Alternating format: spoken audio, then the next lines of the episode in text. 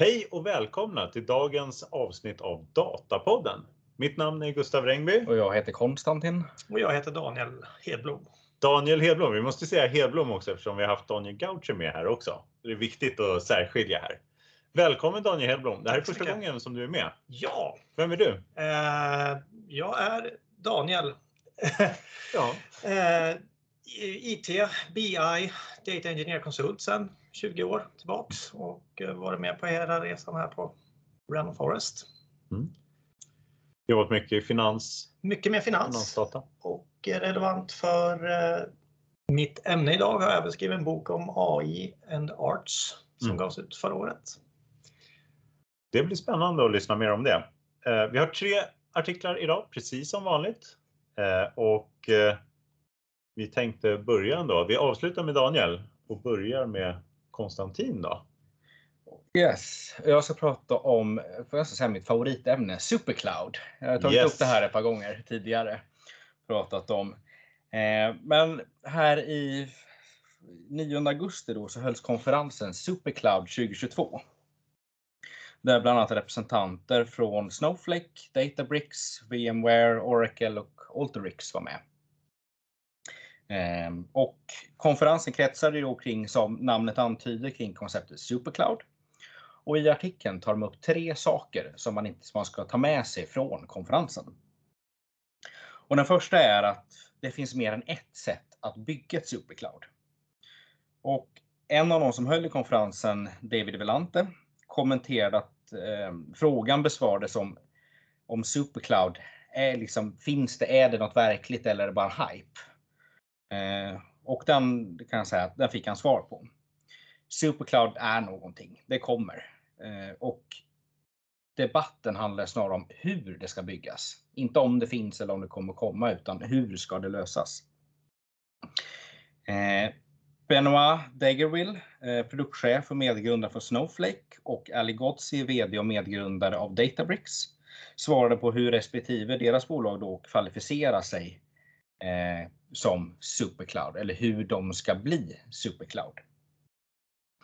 Och Snowflake bygger ju sitt Data Cloud som man kallar det.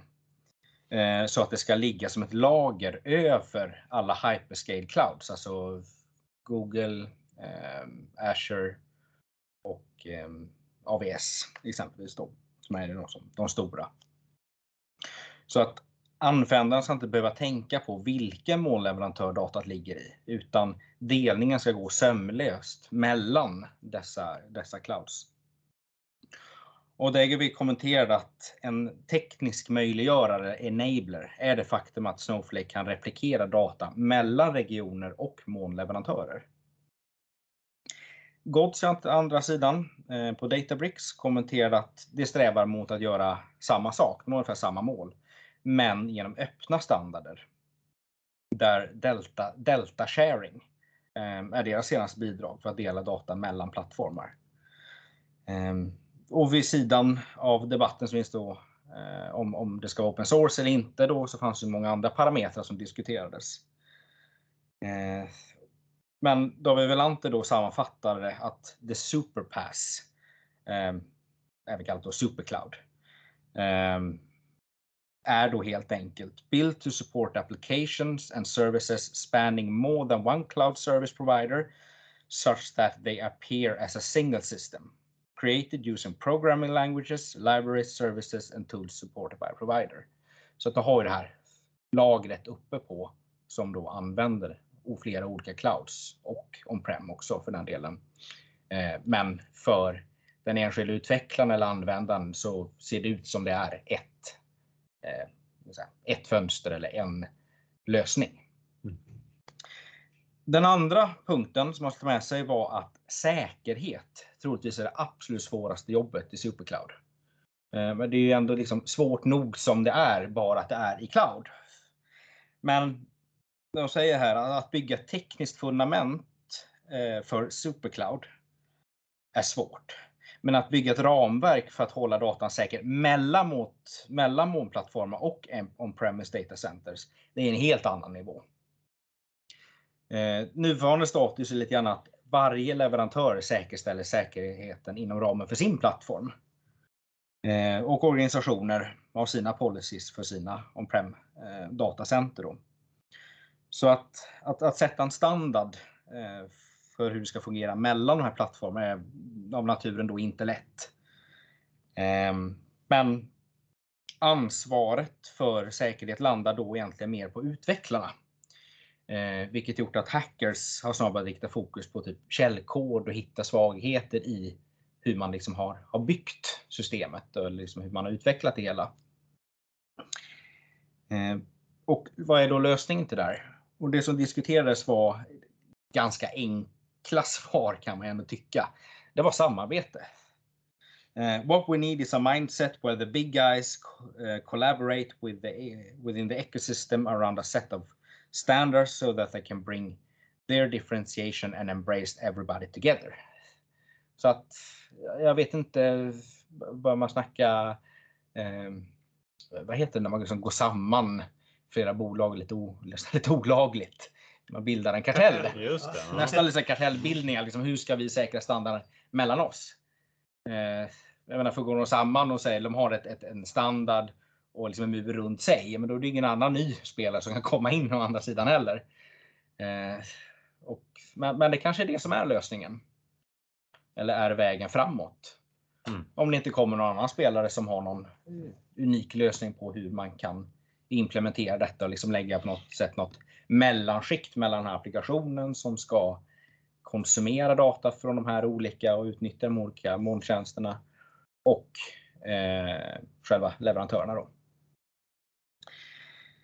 Eh, den tredje punkten, det är att utvecklarna bestämmer framtiden för molnet. Eh, det är inte det är som det utvecklarna som tar besluten, inte DBA, inte säkerhetsansvariga, inte höga chefer som sitter och bestämmer allting, utan, utan det är utvecklarna. Eh, och där är liksom spaningen att mycket kommer handla om att förenkla för utvecklarna. Att ta bort sådant som tar tid direkt från värdeskaparna.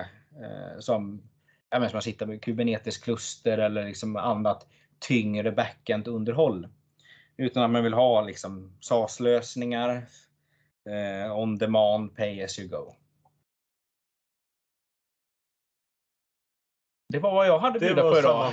Det var Ja, det helt enkelt. Ja, det var det. Ja. Supercloud, definitionen, supercloud, säkerhet och eh, det är developer som driver det. Kan man Ja. Det är de tre punkterna då som man eh, skulle ta med sig från den här. Exakt. Eh, ja, Mm. coolt. Eh, Mm. Jag har några frågor faktiskt. Mm. Jag- började fundera då eh, här på den här supercloud. Jag, jag gillade VMware hade en enkel definition på det. Mm. Det är multicloud. Ja. Det brukar, gärna, det brukar gärna vara kritik, en kritik Ja. mot Supercloud att ja, men det är bara multicloud. Det är inte Ja, ja, ja, ja. Supercloud. Ja. Det, är, Ja. det är liksom bara något fancy ord Ja. för det hela konceptet. Ja, men det ligger väl någonting också att det måste ändå vara att man använder i varje cloud, liksom tjänsterna i varje cloud också, att man har byggt in det i systemet, liksom i tjänsten. Annars så blir det ju bara att man kan köra eh, ja, ovanpå med connectors eller något. Ja, men det blir ju lite grann det. Ja, Under ytan. Jag menar, de, de, de kommunicerar inte med varandra utan det är ju någon tjänst Mm. uppe på som kommunicerar över gränserna. ja. ja men, för det, det är både Databricks och Snowflake är ju med här. I, liksom, som eh, tjänster som är inom våran bransch då, så här, liksom, Mm. som har med analysplattformen att göra. Finns det några andra supercloud-tjänster i våran bransch då? Analys? Eller är det de två? Finns det något annat som eh, har liksom på ett liknande sätt då byggt så att de kan agera? Jag eh, lite förvirrad av begreppet då, supercloud Ja, kontra vad Google berättade för mig förra året om multicloud eller vad de kallar det den gången. Men jag menar, det många sådana saker som hanterar pipelines och sånt känns ju nästan som de också blir indragna i definitionen av eh, supercloud. Så Ja. man slipper bry sig i vilket moln saker ligger och sånt där. ja. Utlovar de ju ofta. Eh, Men då är det väl snarare att man har connector som man är liksom Ja, en precis. integrationsverktyg Så det- som har connector till alla andra det, här, clouds. det här liksom, jag blir lite Är det det som är skillnaden då på multicloud och supercloud? Det är här jag är ingen expert på superclouds, men eh, det, där, det är en intressant frågeställning. Vad, vad är det? för det kommer säkert att lyckas om det är en liten del av det här. Men är det så att jag ska skriva samma kod och kunna köra koden jag skrev för Azure eh, och använder det på liksom alla ställen. Mm. Det, det vore ju en dröm. Mm. Mm. Så man inte kopplar upp sig mot BigQuery utan man kör. Men när lyckas de och vad är definitionen på att supercloud är lite vagt mm. i min hjärna. Mm. Nu är inte jag någon arkitekt så det här är inte vad jag jobbar med dagligen. Men... Nej, den borde ju bara vara egentligen så borde man inte bry sig så mycket för det är ju det viktiga att det liksom att du kan jobba på ett enkelt sätt och ändå dra nytta av prestandan i molnet. Det är inte så viktigt om den använder liksom de underliggande molnen på rätt sätt eller liksom vilka tjänster den använder i underliggande molnen. Men du får ju samtidigt det här, den här tjänsten, typ som Snowflake. Ja. Det är ju samma kod som du exekverar Exakt. oavsett ja. vilken plattform det är. Oavsett vilk, var datat ligger som du vill titta på datat att komma ifrån. Jag tänkte den här, eh, en annan fråga. Mm. Det här med Supercloud drivs av developers. Eh, stämmer det även för bland de här dataplattformarna? Känns det som det är developers som driver eh, utvecklingen på dem också? Eller vad, vad tycker ni? På Databricks och Snowflake? Om man tittar på deras produktutveckling, alltså om man tittar på ett vanligt projekt, de enskilda besluten tas väl många gånger av utvecklarna. Mm. De som faktiskt bygger. Om man tar det till en högre nivå, vad, vad, hur utvecklar Snowflake och Databricks och Azure och sådär, liksom, vad, hur får de in sina request på vad de ska utveckla mm. för någonting? Det borde väl vara från utvecklarna som efterfrågar vissa. Jag kan tycka att Snowflake känns ju som det är snarare DBA som har, eller alltså databasmänniskor, för det, har de, det säger de ju att det är, in, liksom det är utvecklare. Mm. Men Snowflake känns ju mer som det är dat, alltså från databassidan som man har. Så att det ska vara en enkel databas liksom. Precis. En databasutvecklare eller tänker du rena Ja, eller, eh, ja för han tog ju, eller den, de säger ju som att det är en skillnad på en utvecklare och, eh, och DBA eller något sånt där. Mm. Men Snowflake är ju liksom, det är bara en, en databas som är enkel att jobba med mm. på ett annat sätt. Eller det är ju där de kommer ifrån i alla fall får man väl säga. Ja, nej men eh, ja, spännande. Ska vi gå vidare? Mm. Och du står för begravningsstämningen även denna vecka? ja, det är mycket död. uh, jag har en fråga till faktiskt som jag funderade på här. Det här med Supercloud, tror ni att uh, nu börjar det liksom, det finns några tjänster så där som går Supercloud. Är det liksom utvecklingen? Tror ni att det kommer bli att, uh, att det blir liksom cloudtjänsterna är bara smör och bröd och så ska man alltid ha de här supercloud-tjänsterna på det? Ja, det är en bra fråga. Är det om tre år? Liksom, I, dagens läge, de, de projekt man springer ihop med när de har många moln, så är det inte ett akut behov i dagens läge tycker jag. Det brukar, utan det brukar ju vara att marknadsföringsdatan ligger i GCP och sen mm. så ligger apploggarna ligger i AVS någonstans och finanssystemet ligger i Microsoft. Och så tycker man att det här borde vi kanske ha i ett moln Mm. Men det blir inte så mycket huvudvärk för kunderna att de verkligen sätter sig ner och försöker ta tag i det. Mm. Och eh, det vore ju nice om det blev så, men samtidigt så om man ska ta motsatsen till developerdrivet kan man ibland få känslan att det är ekonomdrivet av de här tre stora spelarna som vill låsa in den så att det kostar 7 kronor att fråga efter datan på ett annat moln och 10 öre att fråga efter samma data i S3 mm. när man ska använda ett verktyg.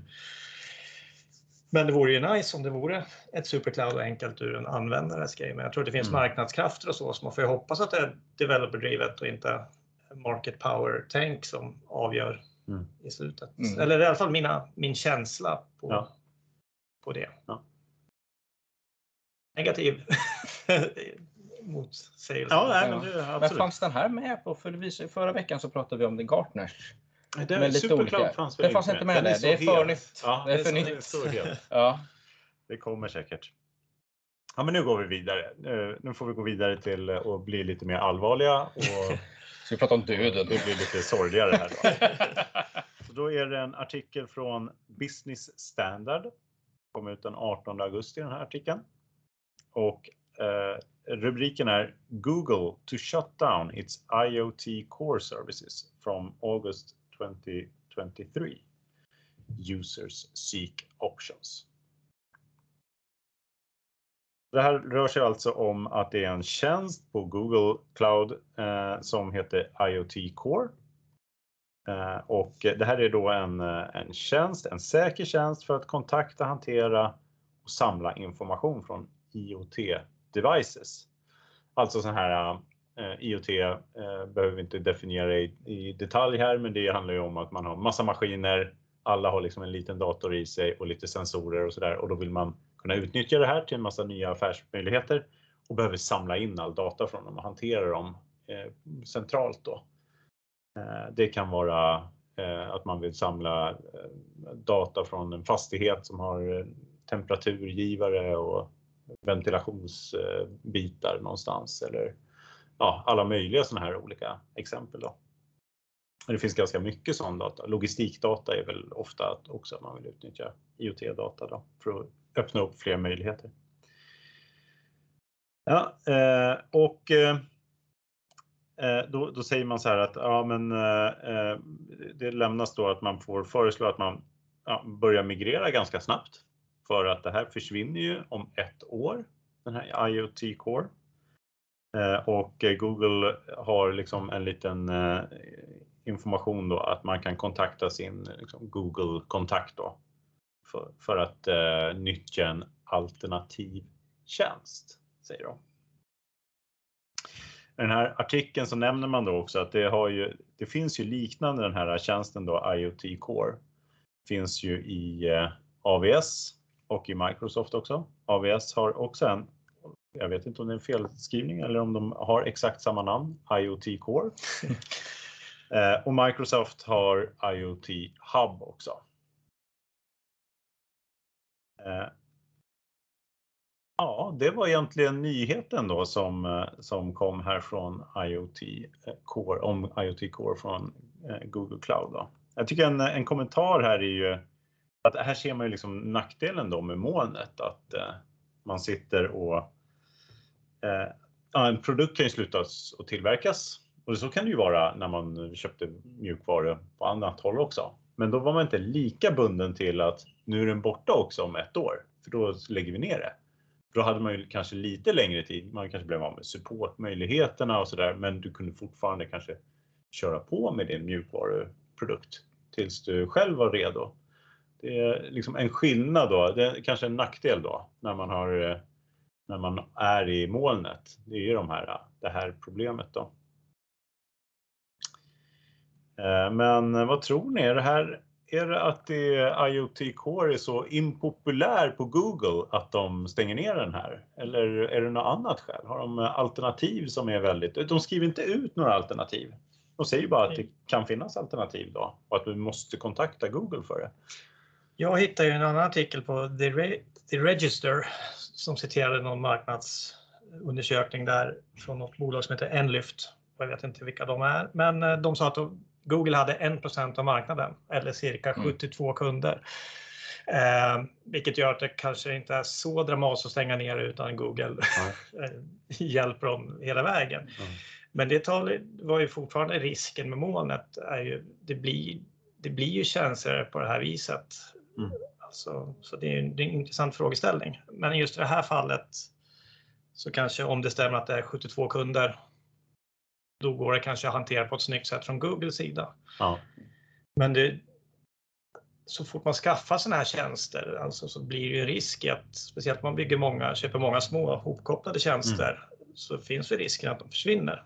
Om ja. man har haft en rysk leverantör idag av någon obskyr tjänst så kanske man har snabbt fått tänka om. Mm.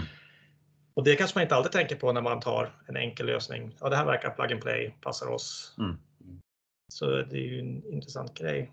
Ja. Tror du att det skadar ryktet? Att man så abrupt ändå avslutar ja, någonting? Ett år känns ju väldigt kort tid. Mm. För jag, jag lä- 72 arga kunder kan man säga. ja. jag, jag läste också en annan artikel. Ja.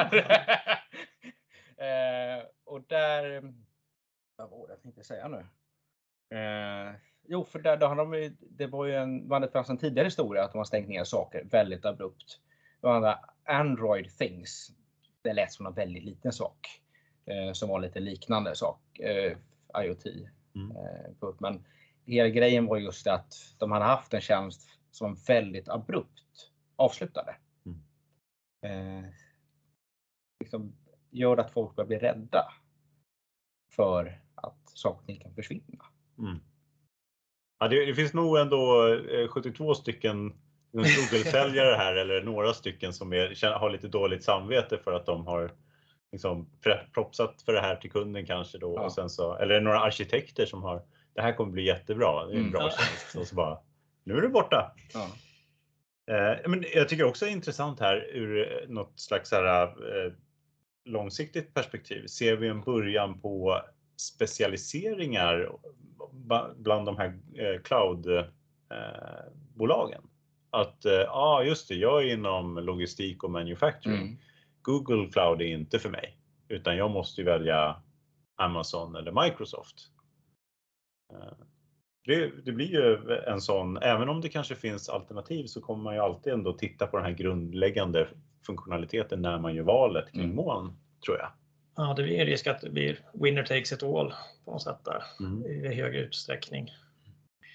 Eh, Och Google har haft lite problem med ryktet även på konsumentprodukter att man använder nå- någonting som försvinner efter ett tag. Mm. Men som konsument är man ju van med det. Det är ju lite Mm. mer seriöst än man som ett bolag bygger en affärsidé runt det och sen får man året efter springa och investera massa pengar för att bygga om allting. Mm.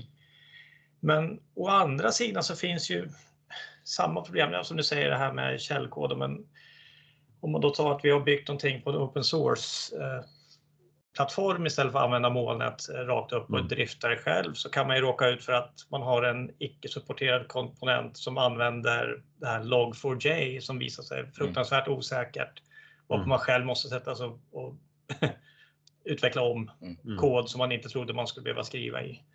Men de har kanske sig gjort ett medvetet val att den är osup- Ja, inte supporterad. precis. Den, ja, riskerna finns. Ja, så det, det finns ju risker i alla sådana här situationer, men jag tror det är viktigt att tänka efter på även på molnsidan och inte anta att allting finns för evigt. Kan du inte ge en liten kort sammanfattning på Log4j? Nej, Nej, vi tar det i nästa avsnitt.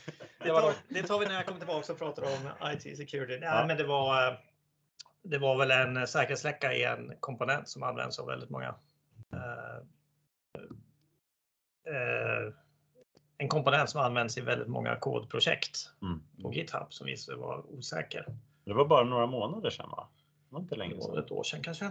Ja, tiden går fort Så- då. Mm. Så sitter man med kod som innehåller log4j, då ska man ju försöka Mm. bli av med den eller veta att man har en säkerhetsrisk. Mm. Där är någon också smal huvudvärk. Ja, Ja. Eh, vad säger ni? Ska vi gå vidare? Släppa de här eh, sorgliga Mm. eh, Nu blir det kul. nyheterna Ja, och kul. gå vidare? Det ska bli kulturella. Ja. det blir kultur. Men det var ju förra veckan också. Ja, vi kör samma Ja, tema. Då, eh, Från- nu, nu blir det basken fram igen. Från dödsannonserna till uh, kultursidan. Ja. Ja, jag har ju läst en artikel som hette AI Art Software DAL-E moves past novelty stage and turns pro på Bloomberg News från den 4 augusti. Och eh, det här är väl snarare handlar om konceptet eh, DAL-E och eh, Image Generation med AI generellt. Den här artikeln är väl ganska övergripande, men vi kan ju ta Mm. utgångspunkt i den när vi diskuterar i alla fall. Och då är det så att det finns en mjukvara eller en AI-system som kan- heter DAL-E som utvecklas av OpenAI. Där man som användare kan skriva in en text och generera en bild. Till exempel skriva Santa Claus in the desert varpå en bild genereras. Och det som har hänt nu, vilket eh, titeln på artikeln hintar på, är att det där har varit stängd beta för ett par tusen användare och forskare. Men eh, har nu öppnats upp så det finns en miljon användare. Och eh, det här gör ju att ni kommer själva märka att ni får i era Twitterströmmar en massa konstiga bilder som folk genererar. Och det här kommer förmodligen att bli en snackis under hösten för allihopa. Eh, och de här artikeln hävdar då att det här är roligt och det var det jag tänkte att det är väl det vi ska få ut av den här, att gå hem och leka med de här verktygen. För det är roligt. Och det handlar väl om att eh, bilder har eh, mer impact. Det ger ett större intryck och det är roligt att, att leka med. Och då berättar de att eh, egentligen eh, det finns vissa problem runt det här. Det finns etiska problem och diskussioner, det vill säga att ber man den att rita en CEO så blir det en vit äldre medelålders man. Och det här kan vi ha en massa kulturdiskussioner runt omkring och så vidare. Och det blir även frågor runt pornografi, deepfakes och så vidare. Och det här kommer ju säkert dyka upp i DN Debatt och alla de sakerna framöver. Um, och sen så går artikeln in lite på, kommer att ersätta illustratörer? Behöver vi ha någon som ritar en bild ifall jag behöver en bild på en tomte i öknen? Om jag själv bara kan skriva in det här. Och eh, det de säger i artikeln är väl att ja, den är bra för storyboarding och snabba, eh, snabba saker. Men de här är inte kompetenta nog att säga att gör den lite gladare eller gör en ljusare bakgrund. Så illustratörer kommer ju att behövas i framtiden. Och så har de väl ett litet motargument med chatbots. Så som jobbar i branschen så vet vi att Microsoft och Facebook och alla möjliga har försökt skicka på intelligenta konversationsrobotar under 5-6 år, men det har inte riktigt lyckats bli någonting av det och ersätta kundtjänster och så vidare, utan det är så att eh, AI inte riktigt når ända fram. Mm. Och eh, den här artikeln handlar ju då om DALL-E, men det finns även andra liknande verktyg som ramlar ut. En som heter Midjourney som man kan leka med på Discord redan idag som är rolig att köra. Och igår så släpptes en open source-variant som heter Stable Diffusion. Som man kan köra på sin hemdator. Om man har en bra mm. hemdator. Eh, 10 gigabytes videominne på senaste generationens grafikkort. Men det gör ju då att det här blir open source och eh, som man kör vilken data science app mm. som helst. Så det är väl ungefär vad artikeln handlar om. Och eh, de intressanta frågorna här är väl om man är illustratör. Vad betyder det här för illustratörer? För oss, kommer PowerPoint-presentationen bli roligare eller kommer vi att få konstigare slides? Och eh, framförallt att följa det här framöver. Och, eh, jag rekommenderar alla att ge sig ut och leka med det här för att jag tror att det är lätt att överskatta hur svårt sånt här är. Det krävs inte att installera något GitHub-program sånt utan det är ju ett REST API-kod eller en plugin i din Photoshop. Mm. Jag tycker det är intressant här att kreativitet, det blir liksom här är egentligen bara en tillämpning av tidigare erfarenheter. För den tar ju liksom och läser in en massa bilder. Sen ger man den instruktioner och så gör den någonting utifrån vad den har läst in egentligen. Det är ja. så den eh, agerar. Det är lite roligt, för det är liksom Kreativitet blir, får en helt annan definition än hur vi tänker på det. Liksom, att det men det är ju klart att erfarenhet är ju väldigt viktig för att man ska kunna också associera och så vidare. Så det är nog inte så stor skillnad mot hur okay, en Man kan ju lite parallellt till, nu låter det sig väldigt gammal när jag säger det här, men ny musik. Ja. Det, det, är inte allt för sällan som man hör någon låt som trendar. Så bara, men jag känner igen de här tongångarna, jag har hört ja. dem förut och så går man tillbaka till liksom en låt från 80-talet. Ja men det är ju typ den här låten. Precis. Alltså, det, är ofta, det... det är ofta så att det är inte så jättemycket nytt. Det är liksom lite variation på det som redan har hänt. Och det blir ju så att det blir nästan så att det fångar upp plattityder och eh, eh, så säga, plagierar snarare än skrapar något nytt. Och det är det mm. som gör att om man skriver CEO och 80% av alla bilderna man har sett är en vit äldre man i medelåldern, då blir det en arketypen av en CEO. Så även där blir det ju en insikt till hur många av de här, all, alla de här AI-systemen arbetar egentligen. Alltså, mm. Det är den data vi skickar in som blir det som kommer ut på andra sidan. Som... Var det inte Picasso som sa det här med an, äh, att man skäl med äh, stolthet? Eller något där, en dålig konstnär skäl, liksom kopierar och en riktigt bra, han stjäl det. Får kolla upp om det verkligen var så. Men, men, men jag lurar lite grann på, tänker på, du var inne lite grann på så här, men vilka ska kunna vara liksom early adopters i någon form av kommersiellt perspektiv på sånt här? Ja, För nu är det väl så här lite leka runt stadiet och Mm. kanske lite akademiskt. just nu får ju alla börja leka med det och innan har det varit mer att man sett en artikel i veckan. Nu kommer nog alla börja leka med det. Men alltså, områden där man kan se det, om jag ska spekulera helt fritt, så kan man ju tänka sig det här generera eh, eh, broschyrer. Mm. Istället för att be någon rita fem varianter så skapar man det själv. Så jag vill ha något liknande det. Mm. Eller broschyrer, om webbsidor, kanske är mer aktuellt. Mm. Eh, och på längre sikt så kan det här bli lite mer otäckt eller intressant på att ja, men då kan vi anpassa budskapet till just dig så att jag visar en bild för eh, Gustav här som jag tror att det passar honom med en Coca-Cola-burk. Mm. Och Nej. en tomt i ök, och en nästan- tomt i öknen Mm. då som är Nej, men jag tänkte också här. på det, sociala medier, för man gör sentimentanalys eller ja, kanske är fel ord, men när man analyserar Ja. texten i sitt flöde och får ut vad, vad går hem för dig, att man får en Mm, bild ja. av dig och utifrån de här nyckelorden så kan man plocka fram en bild som Så passar syn- i en specifik annons. Det är- Och då kommer vi in på att då behöver man ju ha de här DevOps-flödena och all, liksom, data science. Men vad är det som är dåligt med det då? Är inte det bra att få Nej, det, är, det, är, eh, det är jättebra ur kommunikation? marknadsföringsperspektiv så att säga. Så Ja. att, om vi inte går in på för samhället och det kanske känns lite creepy att någon... Ja, För det är det ju redan. Alltså, man har ju rekommendationsmotorer Absolut. idag. Det är ju egentligen bara att de får en till komponent De- som om- man kan påverka för att få in på relevant eh, information. Egentligen. och att eh, kreativitetsbiten också dras in i de här, Mm. alltså att man övertygar och så vidare. Mm. Och sen på det stora hela, ja, alltså, det är lätt att säga att ja, det här blir som att eh, eh, kreativitetsindustrin råkar ut för det som bokföringsindustrin har, har hänt och att nu ska ni alla bytas ut. Men, eh, så det är många intressanta diskussionsämnen Mm. om man sitter och tänker på det här och det är bara börja leka med de här verktygen så är det lätt att se vart det barkar åt. Tror jag. Ja, finns det några specifika områden om man tittar på vad eh, i, på analysplattformen då? För det här är ju mycket tillämpning i marknadsföring, men om man ser analysplattformar, har vi någonting vi kan använda den här tekniken på tror ni? Lägger upp en bild på resultaträkning. Ja, det blir de här grö, de gröna, som ett troll om det går bra. Ja, de exakt. gröna, gula, röda lamporna som folk envisas med efter Ja. 20 år. Kanske kan bli roligare. Ja, det kan bli mycket En roligare. tomteöken. Istället för att risa en temperaturmätare så kan vi göra en bild som Ja. visar om det öken. Ja, Smör i solsken. Det finns Precis. många grejer som... ja. Ja, nej, men det är, det är någonting att leka med och att det är snarare motsatsen till att analysera utan det här blir mer att kreera.